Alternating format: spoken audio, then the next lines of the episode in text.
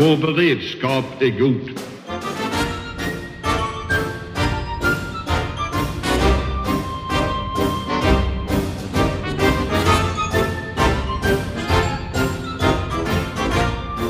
Hej och välkomna till Höjd beredskap, en podd från Aftonbladet Ledare. Och med mig idag så har jag från ett stormigt, jag vet inte var, Johan? Eh, Stockholm. Ja, jag tänkte mest stormen skulle du berätta om. Det blåser mycket på Stora Essingen. Amanda? Från ett betydligt lugnare Malmö. Och med oss idag har vi också Ida Texell. Välkommen! Tack snälla! Och, och jag sitter i Upplandsbro idag. Ja, och du är då tidigare räddningschef i Attunda sedan eh, sex år tillbaka. Och eh, du är även, just nu är du kommundirektör i Upplandsbro. Och eh, också ansvarig för den eh, krisledningsorganisation eh, som finns i Upplandsbro. Och vi har ju pratat ganska ofta om så att säga nationella nivån och de nationella myndigheterna och vi ser ju varje dag Anders Tegnell som, som pratar klockan, klockan 14 och berättar hur det är på nationell nivå. Men, men vi vill höra lite hur ser det ut på lokal nivå och, och hur ser det ut liksom i verkligheten där ute? Så, så hur går det? Ja, men man kan väl säga så här, eh, det är ganska ansträngt läge för oss, men eh, vi har varit igång nu ett bra tag en fem, sex veckor i då precis som du beskriver en speciell krisledningsorganisation. Så vi jobbar liksom målmedvetet och ganska dedikerat med att hantera den situation vi står inför. Så vi är en bra bit på vägen och har en rätt så robust plan här. Eh, så vårt eh, arbete började för en fem sex veckor sedan i, med anledning av den information som kom och med anledning av de råd och de rekommendationer som kom från Folkhälsomyndigheten. Och det vi gjorde då var att dra igång tidigt en krisledningsorganisation. Eh, vi hade en rätt eh, grym och duktig, får jag säga, medicinskt ansvarig sjuksköterska som tidigt pratade om våra hygienrutiner och verkligen betonade hur viktigt det var att vi minskade smittspridningen. Så det var en jätteviktig inriktning som vi drog igång med i slutet av februari. Och det har vi jobbat väldigt medvetet med sedan dess. Så minska smittspridning var en del och sen har vi också fokuserat mycket på kommunikationens betydelse. Vi fokuserade tidigt på att alla har ett eget ansvar och har försökt genom liksom ett väldigt intensivt arbete försöka nå ut till alla våra invånare i vår kommun så eh, jag tycker att eh, det var en bra ansats och en bra start. Och vi kan se idag hur viktigt det är med den här strukturen, planeringen och de akuta åtgärderna som vi har gjort. Men vad är det för åtgärder? Jag tänker att eh, alltså, det, smittspridning kommer så att säga, från nationell nivå och du som då kommunal nivå med lång erfarenhet får man också säga av just krishantering och sånt från, från räddningstjänsten. Vad gör man i det läget när man har liksom befolkningsansvar för människor?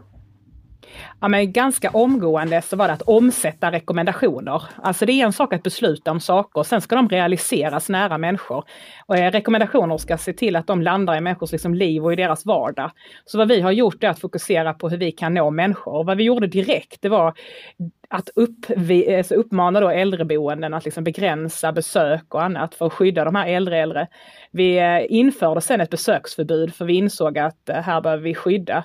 Och sen arbetade vi intensivt med rådgivning och info. Och när vi fick beslutet om att eh, ställa om till distansundervisning så gjorde vi det. Sen har vi också jobbat med att ställa in evenemang och betona vikten av att liksom håll er, eh, håll er hemma om ni är sjuka och var rädda om varandra. Så att vi har haft en ganska, vad ska man säga, bred ansats här där vi har jobbat med civilsamhället, med frivilliga och försökt liksom få folk med oss. Det är det det har handlat om för vår del.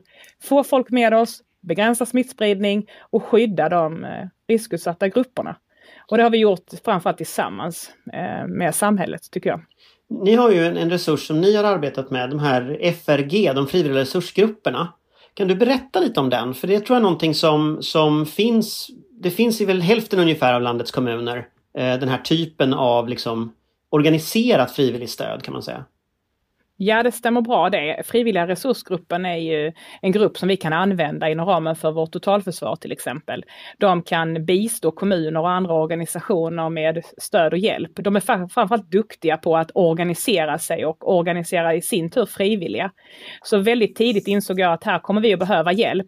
Om vårt viktigaste uppdrag är att se till att funktionaliteten säkras och att vi minskar smittspridning och att vi ska nå ut genom människorna, då behöver vi använda oss av frivilliga. Så de kom in tidigt. Det de har gjort är att de har jobbat med information. De har länkat också människor sinsemellan för att kunna hjälpa äldre äldre. De har också hjälpt oss nu i skyddsutrustning och plocka fram material eftersom det har varit en bristvara. De har varit ovärderliga i termer just av att kunna hjälpa oss och framförallt hjälpa samhället. Så frivilliga resursgruppen har varit en viktig del för oss och vi är oerhört tacksamma för deras insatser. Om man som vanlig medborgare vill hjälpa till nu i den här krisen som är, hur ska man göra då? Ja, det absolut bästa det är ju att man eh, följer de rekommendationer som finns. Eh, att man inte sprider rykten och att man försöker ta till sig av den information som ges av eh, institutioner och myndigheter. Det är ett jättebra första steg. Sen andra steget bör ju vara att om man känner sig frisk och kry, då kan man anmäla sig till civilsamhället eller då de här frivilliga grupperna som finns. Sveriges försvarsorganisationer gör ett jättefint arbete och jag vet att många är på fötter runt om i vårt samhälle idag. Så ta gärna en kontakt med till exempel då FAG, men där finns även andra organisationer som man kan ingå i. Jag tänkte på Johan, Amanda, jag vet inte om ni har... Är ni kvar? Ja. Absolut. Uh, så mycket spännande att höra bara. Nej men det, det, det har ju varit väldigt mycket nationell nivå i uh, rapporteringen uh, och så vidare. Hur känner ni att kommunikationen fungerar mellan de olika nivåerna och stödet, statliga stödet? Är det någonting ni har att anmärka på där? Ja, det viktigaste som jag vill förmedla det är ju att vi jobbar ju nära tillsammans genom då Länsstyrelsen till exempel eh, och övriga kommuner också. Men det som är viktigt att slå ett slag för det är ju att eh, där är ju en vardag och en verklighet som pågår hela tiden för oss kommuner. Det vill säga att vi har ett grunduppdrag i termer av att skydda och leverera service. Det man skulle kunna önska det hade ju såklart varit att vi ganska tidigt hade fått möjlighet att uttrycka våra behov. Nu har det ju tillsätts den senaste tiden genom Socialstyrelsens uppdrag och det rör ju främst utrustning. Och det är vi oerhört glada för, för eh, många kommuner har idag stora utmaningar med att tillse utrustning. Man bör ju betänka att det är ju inte bara de stora sjukhusen som levererar vård. Majoriteten av Sveriges vård idag levereras av kommuner och ja, såklart då regioner. Eh, och där möter vi människor i sina hem inom ramen för hemtjänst, avancerad sjukvård i hemmen, på äldreboende och så vidare. Och nu tycker jag att man för, har fört fint fram behovet som kommunerna har för att då kunna klara av att sköta sitt uppdrag i termer av att vårda människor Eh, på olika former av boenden. Så det ser jag positivt på. Sen kan man alltid vara efterklok och tänka att det kanske borde kommit lite tidigare. Men nu är vi där vi är och vi jobbar på liksom. Har det funnits några liksom, övningar eller planer som sträcker från den nationella nivån till den lokala? Nu fick vi nyhet här precis att den här stora totalförsvarsövningen Aurora kommer skjutas upp och där skulle ju bland annat sådana bitar övas. Har det varit en eftersatt fråga i och med att du säger att det kom in så pass sent att man tänker på de, de riktigt lokala nivåerna? Ja, men jag ska svara så klart jag kan på det. Alltså, man säger så 1,2 miljoner människor jobbar i kommuner och regioner. 200 000 jobbar i myndigheter. Man bör betänka att samhällets funktionalitet idag liksom bärs upp av kommuner och regioner i väldigt stor utsträckning. Och som ett rakt svar, totalförsvaret behöver vi omfatta oss och vårt arbete, våra insatser. När vi sköter vårt uppdrag bra, då rullar Sverige.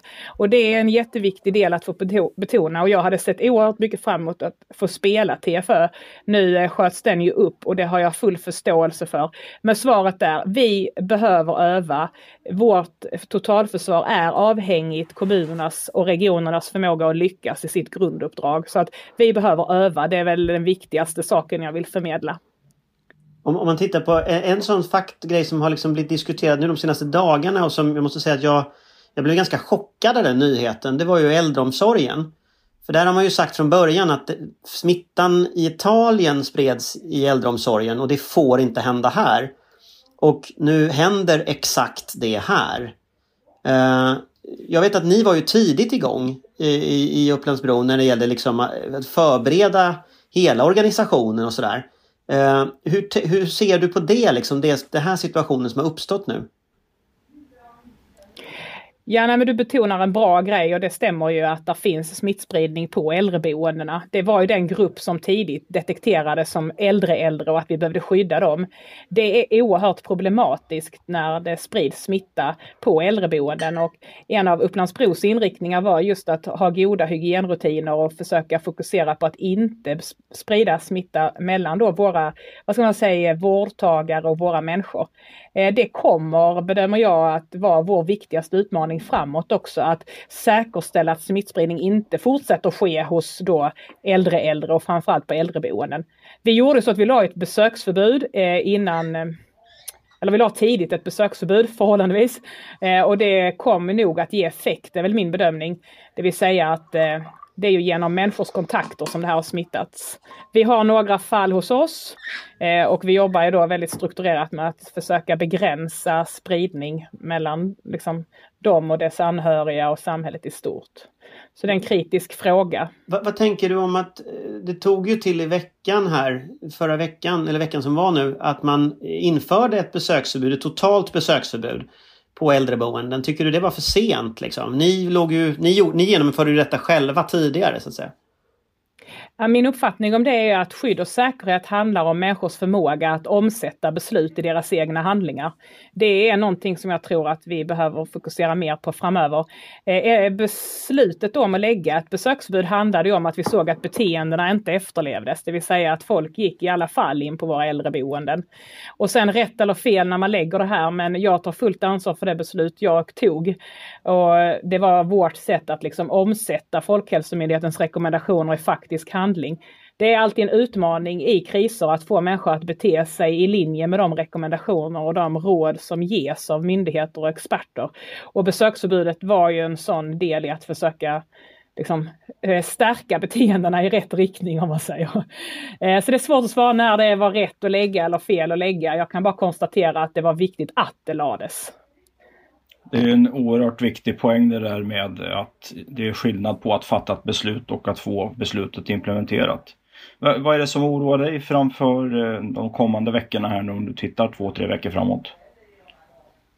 Det viktigaste för mig är att vi jobbar medvetet med prognoser. Nu är jag ju brandingenjör i botten eh, och tycker ju om att förstå liksom sammanhang. Eh, och jag vill speciellt komplettera då prognosen framförallt med ledarskap. Ledarskap är ju inte att redovisa vad vi har gjort eller ensidigt hur många sjuka vi har utan det handlar om att faktiskt planera för en längre tidshorisont. Och det som bekymrar mig då det är att hur vi förenar ett prognoser med ledarskap då två. Och hur vi i tre då får det i faktisk och praktisk handling. Och det som bekymrar mig är ju en eh, omfattande smittspridning om vi inte får ordning på den här begränsningen. Och eh, i ko kombination då med en risk att kanske vårdbehovet inte kan tillses. Det är den största risken som jag ser. Omfattande smittspridning i kombination med att vården inte klarar att möta upp det vårdbehov som finns. Då står vi inför ett läge där många sjuka kommer att behöva vårdas på en annan plats än just på sjukhus. Hur ser det ut med personal? För det har ju varit ett stort problem i många kommuner och landsting där man har redan nu har ett ganska stort sjukbortfall och eh, tyvärr väl kan komma att se ett ännu större för att minska spridningen eh, i vårdenheter och, och så vidare. Hur har ni möjlighet att jobba med att täcka upp där och vad hade ni önskat för stöd i de frågorna? Eh, som svar på din fråga så har vi personalbortfall. Det är ganska omfattande inom våra verksamheter just nu och det är ju av skälet att våra medarbetare vill ju inte gå till jobbet om det finns risk för att man smittar någon som då är i riskgrupp. Så att eh, ett, vi har ganska stora utmaningar personalmässigt och jobbar aktivt med att försöka då fördela personal. Det vi hade behövt då som svar på den andra frågan, alltså två, det är att vi hade behövt eh, tidigt jobba mer med utbildning och möjlighet att slunga in personal utanför de här avtalsområdena som vi har. Alltså vår inriktande åtgärd var att handla om att liksom fördela personal inom avtalsområden, men nu ser vi att vi behöver fördela personal utanför avtalsområden, det vill säga att vi behöver alla bidra för att vårdbehovet ska tillses på något sätt. Och för att lyckas med det behöver vi ha möjlighet att snabbt göra en entry eller borda på olika typer av uppdrag inom ramen för våra verksamheter. Så det är det vi jobbar med nu. Att försöka säkra personaltillförseln och personalförsörjningen. Det är en jätteviktig fråga och eh, det jobbar vi med. Jag, jag, tänker på en sak som var, om man, om man lägger ihop det du sa nu med det du sa förut att sjukvårdens totala planering eh, och, och tittar man på de uppgifter som, som kommer från Region Stockholm så är det väl rätt jag skulle inte säga att det är givet att antal IVA-platser inte räcker men om man följer kurvorna så är det ju eh, helt uppenbart så att det är det man planerar för. Ehm, och även om man bygger ut i väldigt hög takt så, så kan inte jag se hur det finns någon som helst möjlighet att det här kommer att räcka och täcka behovet. Då är det ju ni som är nästa nivå i att liksom eh, ta hand om de här människorna som då inte kommer att kunna få en plats i, i, i sjukvården på regional nivå. Alltså, hur långt bort ligger det tänker du och vad gör man då? Eh, bra analys som du gör där Anders tycker jag. Du sätter ju fingret på att belastningen kommer att öka och utmaningarna kommer att bli större. Så kan man säga. Och att kommunerna behöver vårda fler. Framförallt då som jag nämnde i boendeformer och i hemmen. Eh, och vad kommer att hända då? Ja, det är ju såklart eh, att det handlar om att personal kommer att krävas, utrustning kommer att krävas och kommunens uppdrag blir då expanderat. Det kommer att kräva mycket mer samarbeten och det kommer att krävas tydliga prioriteringar också. Och då är vi inne på många så etiska och moraliska frågor, eh, nämligen de kärnan i liksom ja, det svåraste i ett ledarskap egentligen. Det vill säga att prioritera vem som ska få vård och hur denna vård ska bedrivas. Det kommer vi att närma oss inom ett par veckor från nu, är min bedömning. Men sammanfattningsvis så är det att belastningen kommer att öka och utmaningarna kommer att bli större. Det kommer att krävas eh, väldigt värdebaserat ledarskap och tydliga prioriteringar. Aftonbladet har publicerat uppgifter eh, från de här scenarierna som Region Stockholm har. Eh, och i de scenarierna så pekar man på att kring den 27 april så når man vad man kallar en peak. Och det där är ju naturligtvis, det har vi ju ingen aning om för det här är ju liksom framtiden går ju inte och så. Om de scenarierna slår in, vad kommer att hända då? För er? Ja, då är vi inne i något form av worst case, alltså, eh, och det är väl det vi planerar för nu delvis då, alltså planerar för det värsta och hoppas på det bästa. Nu brukar jag inte hoppas så mycket i mitt ledarskap, utan vi brukar fokusera på vad vi kan göra, men då har vi en omfattande spridning och vårdplatserna understiger då behovet. Vad kommer vi att göra då? Ja, vi behöver förstärka, jag återupprepar mig lite, men vi kommer att behöva förstärka vår personalstyrka och vi kommer också att behöva göra en hel del prioriteringar i termer av vad vi kommer att klara av. Så kommer det att bli. Eh, och vi kommer också behöva ha ett mycket mer nära samarbete med regionen i, i termer av hur de här fördelningsnycklarna ska se ut, både mellan oss och de kommuner som finns kring Stockholm. Men ehm, eh det är väl den största farhågan om du undrar eh, vad vi liksom tänker på så är det just det Alltså omfattande spridning och vårdplatser som understiger behovet. Kommer ni att klara det i så fall? Ja, eh, det är också en bra fråga. Det kommer man att kunna svara på i efterhand på ett bra sätt. Och det jag kan svara på nu det är att vi jobbar otroligt strukturerat, medvetet och vi följer analyserna rätt rejält. Vi har nu lagt in en plan. Jag jobbar inte alls med denna veckan eller nästa vecka utan min planering nu på det sättet jag leder vår organisation och, min, och vår kommun. Det handlar om hur vi ska hantera maj eh, och juni. Och sen lägger jag en långsiktig plan som handlar nu om höstens arbete också. Så det viktigaste för oss nu är att använda den tid vi har Eh, och göra det bästa vi kan med de förutsättningar som finns nu. Men inte på något sätt underskatta de eh, utmaningar vi står inför. Och det har vi varit tidiga med inom Upplands-Bro kommun. Den här worst case-planeringen drog vi igång med redan för två veckor sedan. I att prata om vad händer när vi har ett väldigt expanderat vårdbehov. Och eh, det tycker jag är viktigt att vi fokuserar på. Återigen, planera för det värsta eh, och hoppas på det bästa. Eh, dra på med dina resurser, du kan alltid vända dem sen om du inte behöver dem. Hur, hur ofta, nu står vi... För, för fråga, hur ofta stämmer ni av med regionen? Har ni dagliga videokonferensmöten eller är det veckovis eller hur funkar sånt? Kommunikationen, du var inne på det förut. Eh, det finns flera olika lager av kommunikation, flera olika former av kluster, flera olika typer av samarbetsformer. Vi har något som kallas inriktande nivå där samtliga kommuner medverkar tillsammans med Länsstyrelse och Region Stockholm. Sen finns det en samordnande nivå som löper regelbundet med säkerhetschefer och andra nyckelfunktioner. Sen finns det socialchefsnätverk. Utöver detta så finns det flera arbetsgrupper som också är igång och driftas. Uppskattningsvis träffas vi och hörs av nästan mer eller mindre dagligen. Och i termer av den här inriktande nivån som jobbar mycket med beslutsfattande och prioritering så ses vi ja, regelbundet ett par gånger i veckan. Det låter väldigt bra. Det här är ju väldigt tuff tid för eh, många, naturligtvis er chefer som måste planera och så vidare, men även eh, de flesta av era anställda som ställs inför mycket oro och frågor om det finns skyddsutrustning, frågor om vilka eventuella moraliska beslut man kommer behöva ta i en pressad situation. Eh, och vi kan ju också tyvärr konstatera att detta är ju, som så många gånger påpekas, ett maraton och inte ett sprintlopp. Eh, hur jobbar ni och vad, hur vill du råda andra att jobba för att personalen inte helt ska brännas ut innan eh, vi har kommit vidare och kommit närmare ett slut i alla fall? Eh, mitt råd är väl att eh, just eh, fokusera på långsiktighet och också tänka i vad faktiskt krisledning innebär. Krisledning handlar om att vi är i en situation som inte liknar vardagen eller någonting annat. Eh, från min tid som räddningschef så jobbade vi tydligt med avlösarstrukturer och också tydlighet. Det innebär att om eh, jag skulle behöva lämna mitt uppdrag eller på annat sätt inte kan fullgöra mitt ämbete så måste någon annan kunna ta över. Vi brukar prata om klickbarhet, det vill säga att kunna ersätta varandra så att vi får vila. Så det bästa är att förstå att vi jobbar långsiktigt och att vi planerar för en horisont som snarare handlar om årsskiftet. Och det andra är att skapa tydlighet i strukturerna så att man kan omsätta vad man brukar kalla då klickbarhet. Att man kan byta roller, eh, höll jag på att säga, nästan med varann. Eh, och att man också ska förstå både tidslinjer, beslutsfattande och vad som är viktigast här och nu, men också vad som är viktigast på lång sikt.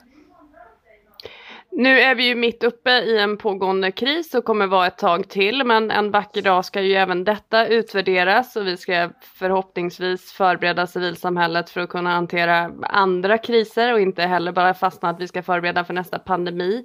Eh, hur jobbar ni med eh, upp uppföljning kanske man inte ska kalla det utan mer dokumentation så att det ska gå att spåra en vacker dag och utvärdera? Ja, men vi har ett system för det. Vi har lagt i mer eller mindre en tidslinje från dag ett där vi liksom eh, sammanfattar våra beslut, där vi sammanfattar våra åtgärder och inte minst vilka analytiska underlag som låg till grund för besluten ibland eh, eh, är det det som saknas upplever jag. Alltså beslut fattas men man vet inte riktigt på vilka grunder. Så det har vi försökt förstärka i Upplands-Bro kommun. Det vill säga tydlighet i beslutsfattande och också att det finns en möjlighet till att granska detta i efterhand. Jag har lett eh, svåra kriser i min dag eh, i, i min tid som räddningschef och jag har lärt mig vad ska man uttrycka sig, den hårda vägen betydelsen av att allting finns dokumenterat. Eh, och det är det vi försöker eftersträva just nu. Principen ska vara rak och tydlig information men också transparens på ett sätt så att demokratin och det allmänna ska kunna följa våra beslut och granska hur våra medel, våra satsningar, och våra prioriteringar har använts. Det är jätteviktigt för mig. Finns det redan nu någonting du tror att vi kommer behöva jobba mer på inför nästa kris. Vi pratade om samövning mellan nivåerna. Eh, finns det något mer? Tired of ads barging into your favorite news podcasts? Good news. Ad-free listening is available on Amazon Music. For all the music plus top podcasts included with your Prime membership. Stay up to date on everything newsworthy by downloading the Amazon Music app for free or go to amazon.com slash news ad free. That's amazon.com slash news ad free to catch up on the latest episodes without the ads. Ja, samövning mellan nivåerna tycker jag är viktigt att understryka igen, för det är bara tillsammans vi kan lösa det här på något sätt. Alltså, det duger inte ensidigt att Upplandsbro lyckas, utan det som är viktigt för oss just nu det är att hela vår omgivning lyckas och i förlängningen också att Sverige lyckas. Så just betydelsen av att få de här kedjorna att hänga ihop, det tror jag är en jätteviktig del i vår normala krishantering, men också inom ramen för vårt totalförsvar. Det vill säga att vi måste förstå betydelsen av att vi lyckas tillsammans. Och här tycker jag det är så viktigt att få lyfta kommunernas roll. För när vi lyckas i vårt grunduppdrag, då kommer också övriga myndigheter att lyckas. Och ibland blir det tyvärr lite slagsida till att man pratar mycket om myndigheterna och så glömmer man de här 1,2 miljoner människorna som varje dag levererar service och nytta och som faktiskt äger majoriteten av den vård som faktiskt ges i Sverige idag om man, om man breddar perspektivet lite och tittar på hur Sverige som helhet hanterar den här krisen. Eh, vad, vad, skulle du, så att säga, inte ge betyg kanske, men hur skulle du liksom se hur, hur eh, inte bara totalförsvaret utan hela samhället klarar nu att hantera? Det är ju medier, det är liksom sociala medier inte minst. Vi ser informationsangrepp, eh, får man väl nästan kalla det, från Ryssland och Kina. Eh, det, det är sen ganska omfattande desinformation, i alla fall i de kanaler som jag ser. Eh, hur ser du på helheten? Ja, det är en, svår och komplicerad fråga. Eh, jag skulle vilja säga så här att eh, jag tycker överlag att kommunikationens betydelse kan inte nog understrykas. Alltså vi brukar säga så här inom min tidigare karriär att en kris är inte vad som egentligen har hänt utan det är vad människor tror har hänt. Eh, så att förstå att sammanhanget konstrueras av människors perception som sedan grundlägger deras beteenden, det är ju det vi behöver prata oftare och mer om anser jag. Eh, det vill säga att det inte bara vad myndigheter och kommuner gör utan det är hur vi faktiskt demokratiserar både risker, åtgärder och den säkerhet Sverige står inför. På helheten, vad kan man då önska mer av? Ja men det är ju såklart ett tajtare och mer nära samarbete mellan nationell, regional och lokal nivå. Det kan inte nog understrykas och ju mer samspelade man är där, ju snabbare går också prioriteringarna och med det följer också en bättre förutsättning för infrastruktur som grundlägger kommunikativa satsningar. Liksom. Så att eh, jag har svårt att bedöma ett betyg eftersom vi är mitt uppe i det här nu och jag tänker mig att det här kommer att utvärderas väldigt ingående så att eh, det svaret kommer nog att komma. Men inte just idag kanske. När, när, skulle du säga att du tror att detta tar slut? När är vi ur det här på andra sidan? Du, det är den fråga jag tror alla beslutsfattare helst av allt vill kunna svara på. Det är den fråga jag får allra mest oftast. När tror du vi är klara och hur länge ska vi orka? Och mitt svar på det, det brukar bli eh, att vi får tidsindela och nu lagar vi efter läge och den första vågen som jag brukar kalla det, det är fram till eh, augusti. Och sen ska vi ha en långsiktighet och då är det årsskiftet. Så eh, kommunicerar jag nu. Och vad menar du med den första vågen då? Till augusti? Folk har ju pratat om att det ska vara klart till sommaren och det är alla möjliga konstiga tider som uppstår. Jag vet inte var de kommer ifrån alla tider. Trump skulle sluta ja, det... vid påsk. Men när du säger augusti, ja. vad är det, grundar du det på? Eh, nej men jag grundar mig på den material vi har fått från Folkhälsomyndigheten som säger i alla fall sommaren och jag tänker för mig sommaren även augusti. Eh, så att det kan väl eh, behöva kanske justeras men eh, jag svarar här och nu och den information jag har och det kommer från Folkhälsomyndighetens bedömningar. Men du pekar på en klok del och det handlar om prognosernas betydelse för att kunna rikta budskapet schysst och bra eh, mellan olika nivåer. Så att eh, det, så är det. Hur är det med samarbetet mellan kommunerna och, och erfarenhetsutbyte och så vidare. För utifrån får man ibland känslan av att kommunerna ligger på väldigt olika nivå sinsemellan vad gäller krisplanering och kriskommunikation. Ja, det är svårt att svara för kanske 270 kommuner. Det jag kan kommentera är ju den vardag jag befinner mig i i termer av Stockholm. Och här har vi eh, sedan en lång tid tillbaka försökt använda använda ett format som heter Samverkan Stockholm. Eh, där delar vi erfarenheter och stödjer varandra. Sen har vi också format subregionala grupper nu, eller kluster, där vi ska stödja varandra och det gäller framförallt personal, lokaler och eh, utrustning. Så att eh, det kan skilja sig oerhört i Sverige, men just i Stockholm så har vi sedan en tid tillbaka ett upparbetat samarbetsforum som heter Samverkan Stockholm. Och inom ramen för det så finns det goda noder och kopplingar som gäller hjälper oss i vårt liksom, lokala uppdrag.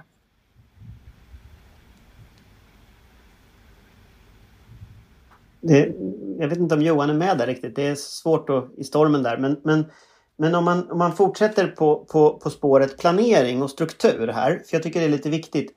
Eh, när man tittar på, på, eh, man brukar ju säga lite att det som inte övas i fred fungerar inte i krig. Lite på tal om det som Amandas tidigare fråga kring, kring, kring vad man övar och behöver öva.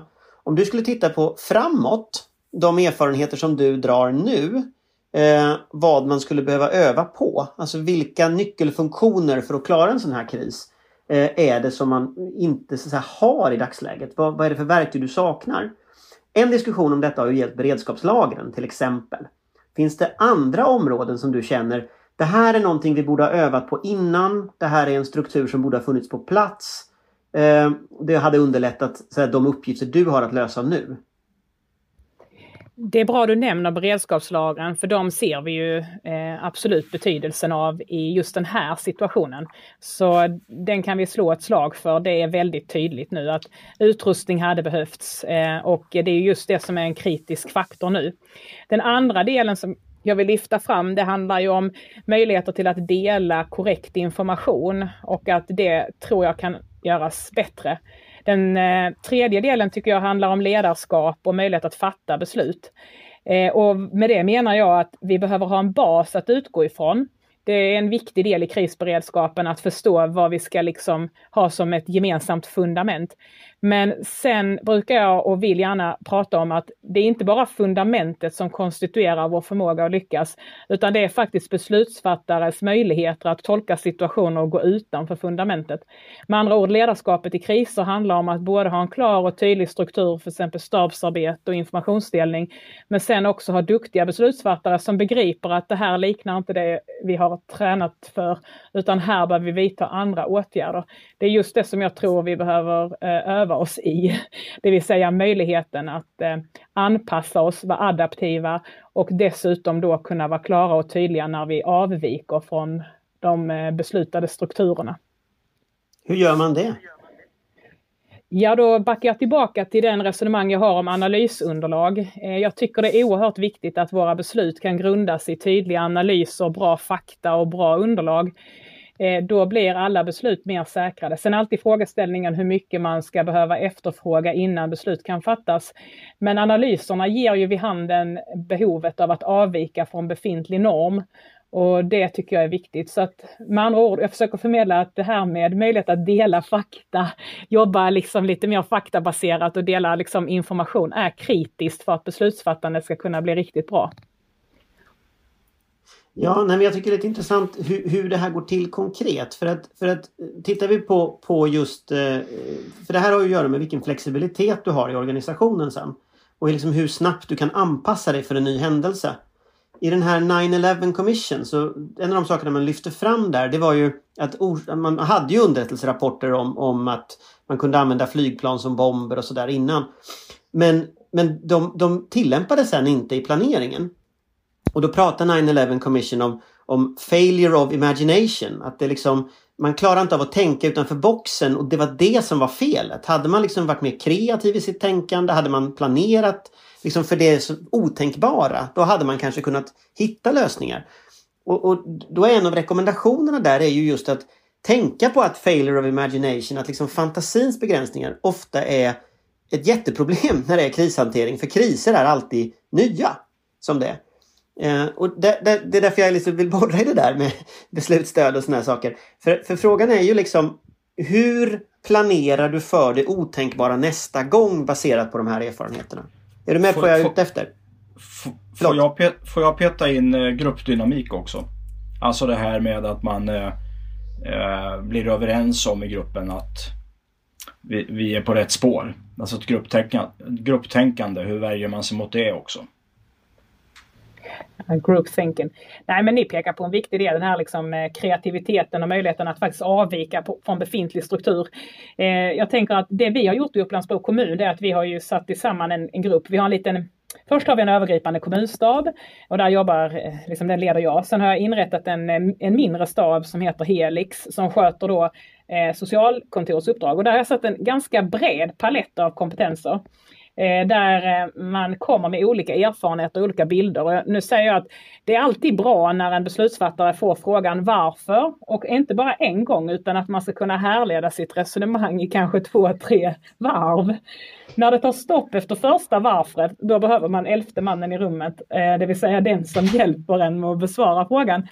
Så jag tycker att vi har jobbat med olikheter, ett kritiskt förhållningssätt och sen har vi framförallt jobbat, precis som jag nämnde innan, med möjligheten att kunna argumentera för varför vi gör som vi gör. När jag la ett besöksförbud eh, så var det för att bedömningarna visade och underlaget visade att det var det vi behövde göra just här och då. Så då gjorde vi det och då har vi dokumenterat detta. Eh, till exempel. En annan del handlade om hur vi eh, jobbar med näringslivet eller då civilsamhället som också kom signaler från eh, min organisation och våra kollegor att det här behöver ni nog göra nu och så förde vi eh, resonemang kring det, analyserade olika kaskader. Så sa vi men då gör vi så här nu. Eh, och jag tror att eh, olikheter och möjligheten att just kunna tänka eh, genomtänkta tankar är viktigt.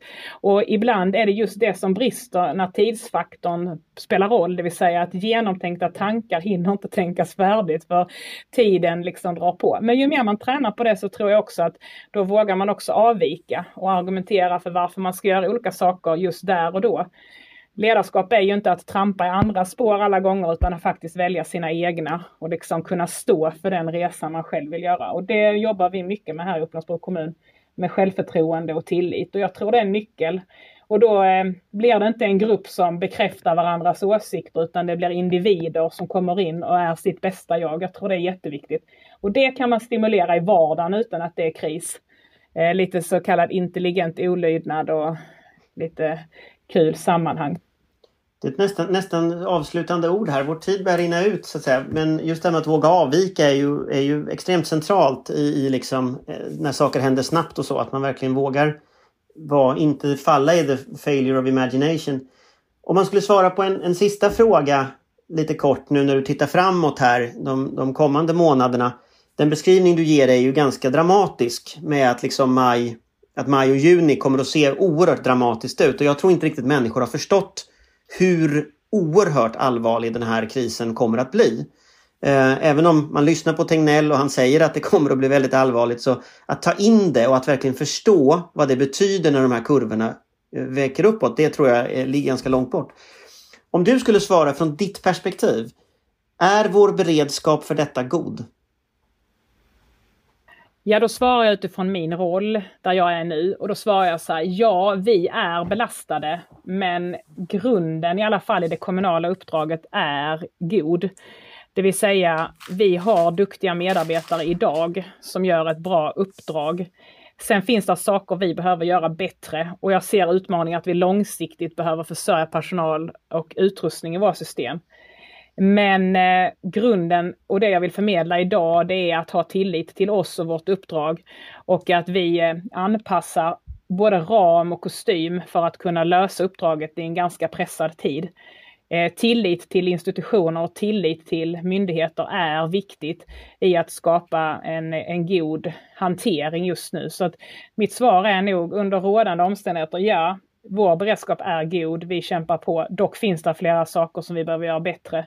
Och beredskapslager har vi pratat om och beslutsfattarna har vi resonerat kring och så vidare. Och det hoppas jag att vi får tillfälle att ta del av när det här utvärderas. Och då ser jag fram emot att få justera ytterligare. Vi får återkomma till det. Tack så mycket för att du var med, Ida Texell. Vår beredskap är god. Vi ska gå vidare till studiesamtal lite grann så här bara. Vad har vi hört vad Ida Texell säger? Vad, vad, ja, reflektioner? Ja men alltså det var ju ett eh, förebyggande intryck tycker jag. De verkar ju ha varit lite före i kurvan jämfört med eh, en del andra. Eh, jag fäster mig särskilt vid att hon tittade framåt. Det tycker jag är viktigt för en ledare att vara först i tiden så att säga. Att tänka lite längre fram än eh, bli liksom upptagen med det som är totalt dagsaktuellt. Om det inte är någonting som är då väldigt, väldigt viktigt förstås. Men, men rent generellt så att jag tror att det är nog bra att ha struktur och metodik i det här skedet tror jag. Mm.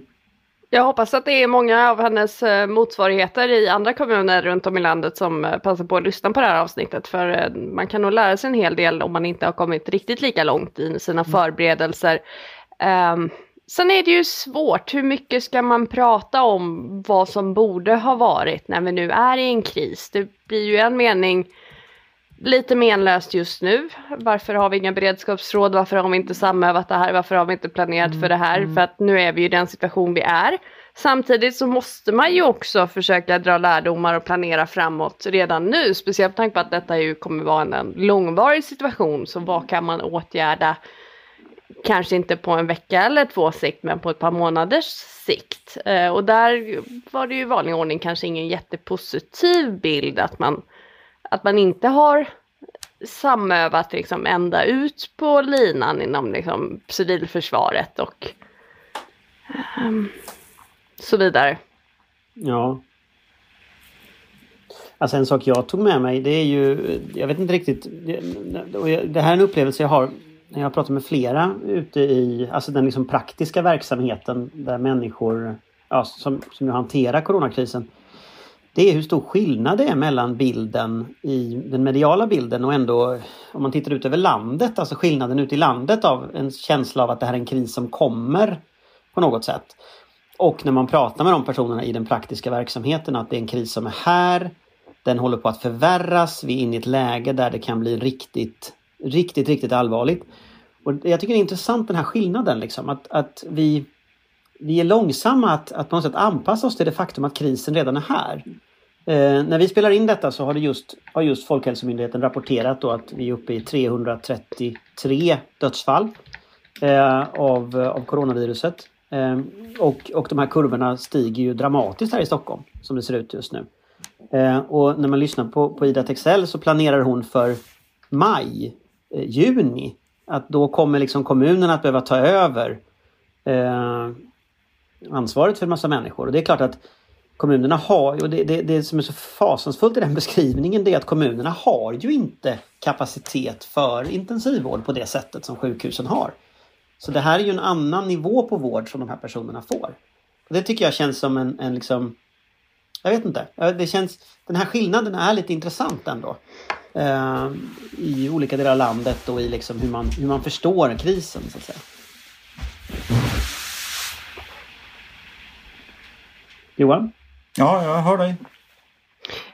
Jo, men så är det naturligtvis. Och, och, Frågan är hur mycket man, man ska naturligtvis göra sitt yttersta för att rädda så många som möjligt. Sen är ju frågan också hur vi accepterar att det kommer kanske ändå gå så långt. Var lägger man ribban? Vem vågar ta de besluten? Eh, sen ska vi ju inte hymla om heller att eh, intensivvårda väldigt gamla och sjuka människor. Det gör man ju inte när man har plats heller nödvändigtvis eftersom intensivvården i sig är så pass invasiv att det måste finnas en avvägning mellan skada och nytta i de vårdinsatser man gör. Och det är också en diskussion som vi hör så mycket om att folk tycker det är fruktansvärt att man ska börja triagera. Men det gör man ju på, på alla akutmottagningar jämt. Sen kommer besluten bli tuffare. Men frågan är om vi gör oss själva en otjänst när vi har så, många av oss har så dålig koll på, på hur realiteten ser ut redan idag och hur sjukvårdens förutsättningar ser ut även när man har de resurser man behöver.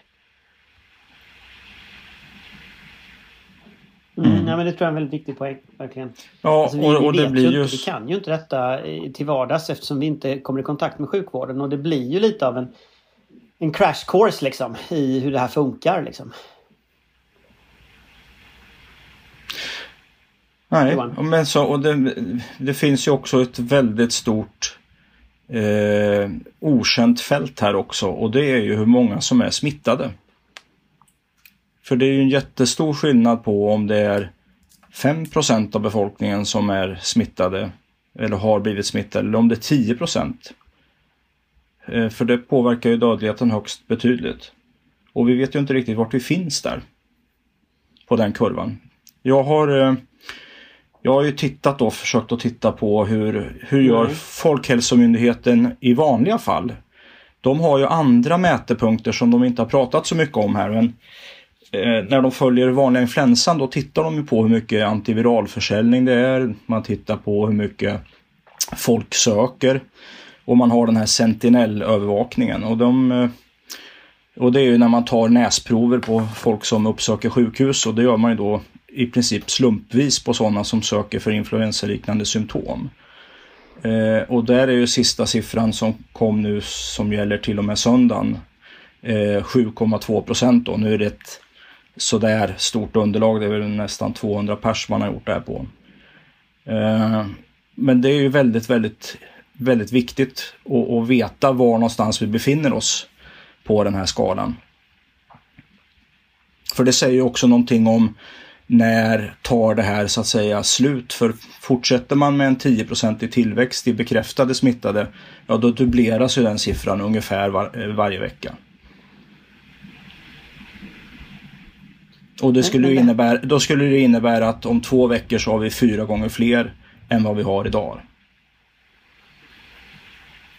Men, men där kan man ju tänka på, tycker jag, den här, eh, den här rapporten som Aftonbladet publicerade från eh, Region Stockholm där man pekade på att piken ligger i slutet av april. Eh, mm. Och redan idag så är ju en ganska stor andel av kapaciteten upptagen. Och, och jag, jag, tänker på det här som hon pratade om utifrån ledarskap. Att som ledare, hur, liksom, hur hanterar man en sån här situation?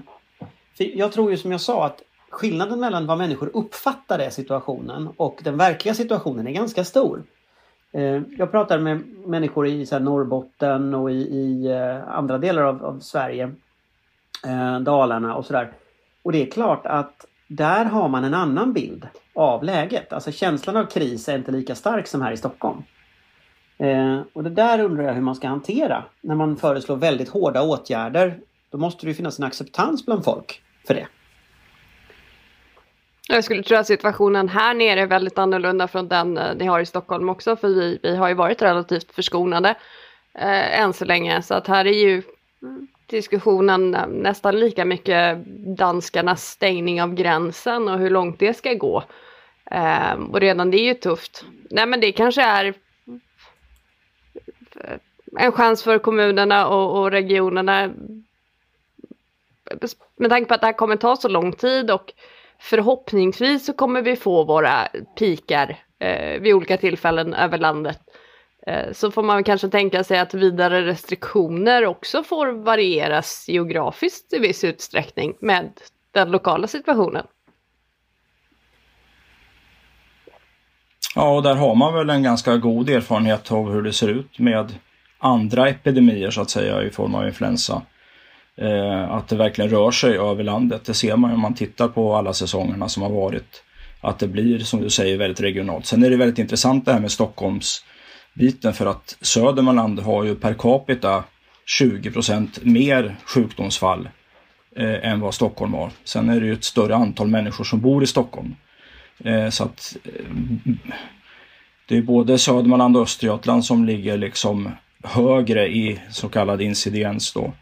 Eh, sjukdomsfall per, per 100 000 än vad Stockholmsområdet gör. Det är också väldigt intressant. Och det kan väl också komma att bli ett allt större problem ur medial synvinkel. Där det är ju lätt när man sitter någon annanstans eh, att ibland tycka att media är lite Stockholmsfixerade och eh, Slussen är första nyhet på riksnyheterna och annat vi kanske inte alltid bryr oss jättemycket om.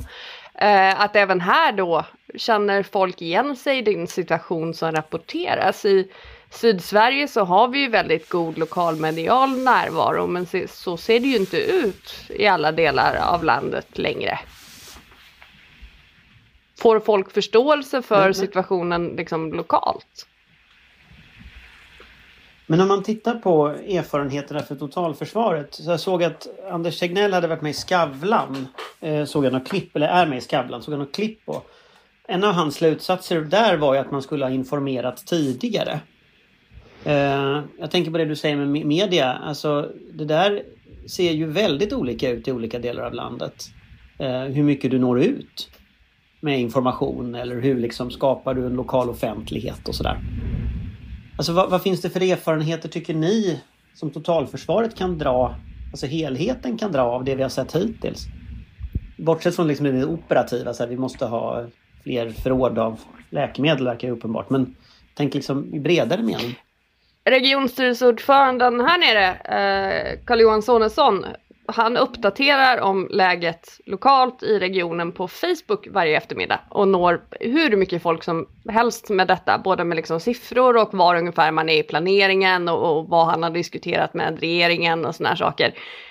Um, och det är ju ganska intressant. Det, det, är ju oerhört pedagogiskt och bra på många sätt. Eh, sen så finns det också en, en, en granskningsdiskussion där med direktkommunikation som är både positiv och negativ. men det är ändå intressant.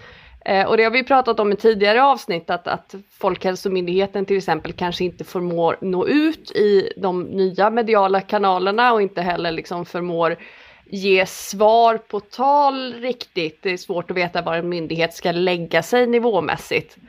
Eh, men det är väl kanske någonting att lära sig att man måste nå ut där folk faktiskt finns. Man kan inte räkna med att folk läser lokaltidningen till frukost längre eller kanske ens alltid går in i den på nätet. Nej, det är riktigt och det har ju också att göra med vad mottagaren behöver. Eh, det har funnits en tendens tycker jag till, alltså det är väldigt bra och så men Eh, att man kan säga att man ska ta sig en funderare på om man ska göra ditten eller dutten. Eh, Medan däremot människor kanske efterfrågar stå upp, sitt ner, gör det här, gör inte det här i ett sånt här läge. Eh, jag tror att tydlighet är någonting som man nog får återkomma till och som man verkligen kan lära sig av. Och att man har en kommunikationskapacitet som orkar också. För att jag har fått en och annan signal på att, att även den sektorn så att säga är hårt belastad av att kunna kommunicera ut budskap från från olika myndigheter. Men, men där funderar jag lite på alltså, hur sociala medier har funnits med i eh, hur myndigheten har planerat. För, för när man tittar på, man går tillbaka några år i tiden. Eh, I min glada ungdom så var jag ibland med på den här typen av övningar när man övar olika funktioner och sånt som man, man ska kunna. Eh, och hade olika roller i det där. Eh, men sociala medier är ju liksom inte en faktor i, eller var i alla fall inte då en faktor i planeringen. Och här kan jag få en känsla av när man tittar på, på Folkhälsomyndigheten att jag undrar om man inte riktigt har underskattat så att säga den här antagonistiska formen som sociala medier har idag. Där man liksom ifrågasätter alla detaljer. Man försöker liksom undergräva allting. Man är ironisk mot allting. Och där undrar jag om inte man i framtiden måste fundera lite kring hur man förhåller sig till den nätmiljön.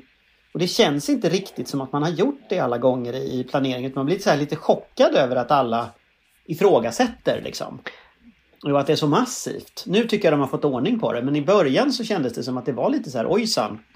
Eh, Nej men så. så. är det och det är väl också superviktigt att man övar även det och också att man inser att man kanske måste anpassa budskapet och kommunikationen till plattform. För det är också ganska tydligt att olika sociala plattformar, olika mediala plattformar kräver lite olika språk, olika bemötande. Eh, där ju Twitter mm. till exempel är oerhört svårt på många sätt. Eh, om än också väldigt givande. Och sen ska vi också nu generationen under mig igen, de finns väl inte, de finns ju inte på Facebook eller Twitter för den delen, utan då är det ju andra sociala medier igen och hur mycket, hur mycket koll har man på det från myndighetshåll? Det är kanske inte så många kommunikatörer mm. som sitter på TikTok liksom. Mm, och nu har vi... Ja, precis. Men då kan man inte heller bara tweeta nu... ut ett torrt myndighetsbudskap utan då måste det förpackas på ett sätt som passar plattformen. Ja, sen har vi ju, här har vi ju liksom egentligen, du pratar ju här om att eh, folk eh, hejar på så att säga antagonister och så vidare. Vi har ju inte en direkt antagonist här, det är ju ett virus. Eh, apropå det här med erfarenheter för totalförsvaret så vi kan ju bara föreställa oss att det kommer vara ännu mycket värre för då finns det ju någon som ska försöka få oss att ge upp också aktivt hela tiden. Eh, så att det finns en hel del att eh, titta på här när det gäller erfarenheter för försvarsvilja och eh, sammanhållning och de här bitarna. Som jag tycker trots allt har skötts ganska bra på det hela taget måste jag säga så här långt. Mm. Sen undrar jag, så funderar jag på en annan sak som vi inte var inne på med, med Ida Texell. Men, men en sak som jag såg nu i nyhetsflödet här att, att HD och Sydsvenskan har permitterat. Mm. Och, och, och det där, att medierna, och det är, det är inte de första medierna och inte de sista heller som, som får problem ekonomiskt. Men, men just nu så håller det ju på att ske ett, eh, ett annonstapp till medierna. Mm. Och det är givet liksom, det är en stora delar av marknaden bara upphör att existera. Men det är klart att om lokalmedia nu hoppas jag att regeringen begriper att det här är ett jätteproblem och att de gör något åt det innan det går åt skogen. Eh, men, men vi har redan idag en massa vita fläckar på den mediala kartan. På engelska pratar man om, eller USA pratar man om news deserts, mm. nyhetsöknar. Mm. Uh, och de fylls ju bara av liksom en lokal arg bloggare eller uh, Facebookgrupper eller uh, sociala medier. Och där har man ju inga riktiga medier som, som då skriver utan då blir det riksmedierna och de de är inte så bra på att skriva om lokala saker alla gånger. Och det där undrar jag vart det där tar vägen. Det där är jätteviktigt så. Anders. Jag kan säga att jag har sett, börjat se spår efter en viss systematik när det gäller att fylla det där tomrummet. Jag är inte beredd att prata om det än riktigt för jag har suttit och tittat på det här. Va? Eh, där man försöker att Eh, alltså okända, eh, jag vet inte vem som, är, eh, som startar olika grupper på olika sätt på olika geografier. Men, men det är ett väldigt intressant fenomen där man är inne i det lokala samhället så att säga, fast på Facebook och försöker ge ganska saklig information. Men det är frågan om vem som står bakom det här. Det är en väldigt intressant trend faktiskt. Och sen är det väl att den är sak, det, det är också så att om, om det finns en aktör bakom så är det ofta saklig information till en viss punkt. Mm. Men när den punkten är passerad då kan det komma, till exempel i en kris, då kan det komma väldigt osaklig information. Exakt. Det är precis så jag menar. Så fri journalistik jag... är ju liksom, det, det, är ju det sättet, det är ju på något sätt immunförsvaret för det demokratiska samhället är ju fria, en mångfald av fria medier som kan tycka olika och bråka med varandra. Liksom. Mm. Sen tänker jag också på det här med, eh, eh, jag hakar mig fast vid det du sa där om erfarenheter för totalförsvaret. Det är ju uppenbart att det har varit ett otillräckligt lager och man har inte haft någon beredskap att sätta igång en produktion eller avtalsmässigt få till sig eh, masker eller skyddsförkläden eller vad nu månde vara för någonting. Det sätter ju det här eh, diskussionen om den så kallade basplattan i Försvarsmakten i en annan dager också. Varför det är så ohyggligt viktigt att få till och fullfölja de här satsningarna så att man den enskilda soldaten eller nu den enskilda sjuksköterskan har rätt utrustning. Men betyder inte detta indirekt att hela det här eh, på något sätt köpa från hyllan, globala värdekedjor, alltså att det håller på att helt enkelt krascha ihop? Att du måste både ha egna lager, du måste ha egen produktion, du måste ha en planering för mm. försörjning även när du, vissa komponenter i mediciner till exempel försvinner. Alltså det, är, mm. det, här var ju, det här är ju globaliseringen som vi känner den som uppenbarligen inte levererar liksom i, jag såg en nyhet som flimrade förbi idag om att Frankrike har beslagtagit 4 mm. miljoner mm. masker från Mölnlycke som var på väg till Italien och Spanien. Och då har Frankrike med sin tillfälliga lagstiftning då beslagtagit alltihopa. Mm. Då har vi ju ingen globalisering eh, om vi inte kan lita på det. vi måste i alla fall ha en bättre beredskap för, för tillfälliga och ganska långtgående störningar och ett mindre beroende av ja, andra i största allmänhet men kanske framförallt odemokratiska krafter. Liksom. Och nu tänker jag kanske snarare på Kina än Frankrike även om de eh, beter sig lite också just nu. Um, men framförallt så kan ju inte det offentliga i kristid lita på att allt ska finnas tillgängligt som det brukar. Alltså beredskapslager har ju varit en grej av en anledning. Mm. Ja, det är ju verkligen pinsamt när Finland nu öppnar sina beredskapslager och så vet man att det finska civilförsvaret i mycket var en kopia av det svenska en gång i tiden. Sen avvecklar vi vårt och nu har de sitt kvar och nu har de liksom de resurserna som vi naturligtvis borde haft. Det blir ju väldigt pinsamt alltihop för liksom svenska politiker av alla kulörer och färger och regeringar. Ja. Eh, men också alla oss andra, för det är vi som har röstat fram regeringen och sagt att de inte ska ägna så mycket uppmärksamhet åt det där. Det har ju inte varit en prioriterad fråga i Det- valrörelserna direkt. Nej, precis. Man vinner inga röster på det där. Eh, Men är inte det en av de viktigaste slutsatserna av det här so far? Liksom, att just civil, det civila försvaret, hela planeringen, liksom, försörjningen av ja, allt från sjukvårdsmaterial till mediciner till eh, liksom, ja, möjligheten att dra in folk som behövs, eh, utbildning, övning, den typen av förberedelser. Det måste ju då inte ske för att, precis som Amanda sa förut, att vi förväntar oss nästa pandemi. Utan att vi förbereder liksom för ett brett spektrum av möjliga hot och förbereder för hela det spektrat. Så att vi ändå har liksom en verktygslåda att gå tillbaka till. Eh, Ja, klimatförändringarna är just, kommer ju ha stora påfrestningar. Bränder har redan börjat hända, översvämningar Mm. eh, och så. Och det är väl en erfarenhet hittills att liksom effekterna på samhället är ju så enorma. Ja, ja den, den eh, tror, jag håller med dig Anders. Jag tycker också att det är en ganska given slutsats. Att, eh, att man verkligen måste gå från rapporter nu till att eh, verkligen iordningställa någonting som är en, en, en bra och rimlig nivå för det här. Då. Men sen har du ju nästa sak då. Eh, har du ju det här med den realistiska skolan här då i utrikespolitiken. Om vi nu tittar på det här franska exemplet och andra exempel. Bilden är ju lite splittrad. Vi ser ju tyskarna liksom tar in italienska patienter för väldigt avancerad sjukvård och så. Men så har du det här exemplet som du relaterade till lite grann. Eh, vart tar det här vägen eh, när det gäller spänningar mellan eh, de olika länder? Vad betyder det här för eh, det europeiska samarbetet? Hur kommer det här påverka spänningen mellan USA och Kina? Det som händer i USA kan ju ta vägen eh, och bli riktigt illa. Det kanske vi har ämnet för nästa avsnitt. Nej, Nej men jag, eh, jag eh, instämmer i så mån att jag tror att den viktigaste lärdomen här helt enkelt är att politiken måste gå tillbaks till basics. Alltså har vi inte en fungerande totalförsvar, liksom krisorganisation och så vidare, då ska man inte pyssla med någonting annat förrän det är fixat.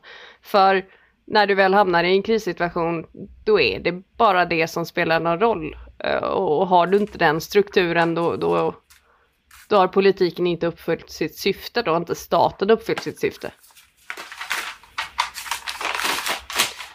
Nej, där Nej. är man ju inne på varför man organiserar staten med inre och yttre säkerhet, kanske sjukvård och utbildning. Så att man liksom eh, kan ta hand om eh, och liksom inom territoriet då utvecklas till det samhälle som man vill bli med den handel man vill ha och så vidare. Och det liv man vill leva. Vi får helt enkelt ta med oss detta. Eh, Och så är vi nu mitt i krisen. Vi får anledning att återkomma till detta. Eh, vi är väl i, i praktiken idag i motsvarigheten till höjd beredskap fast civilt. Eh, hela samhället nu organiseras för att försöka stärka sjukvården. Men tack för idag! Tack så mycket! Tack så själv. Ses vi nästa vecka. Hej. hej! hej. Jajamän. Hej hej. Vår beredskap är god.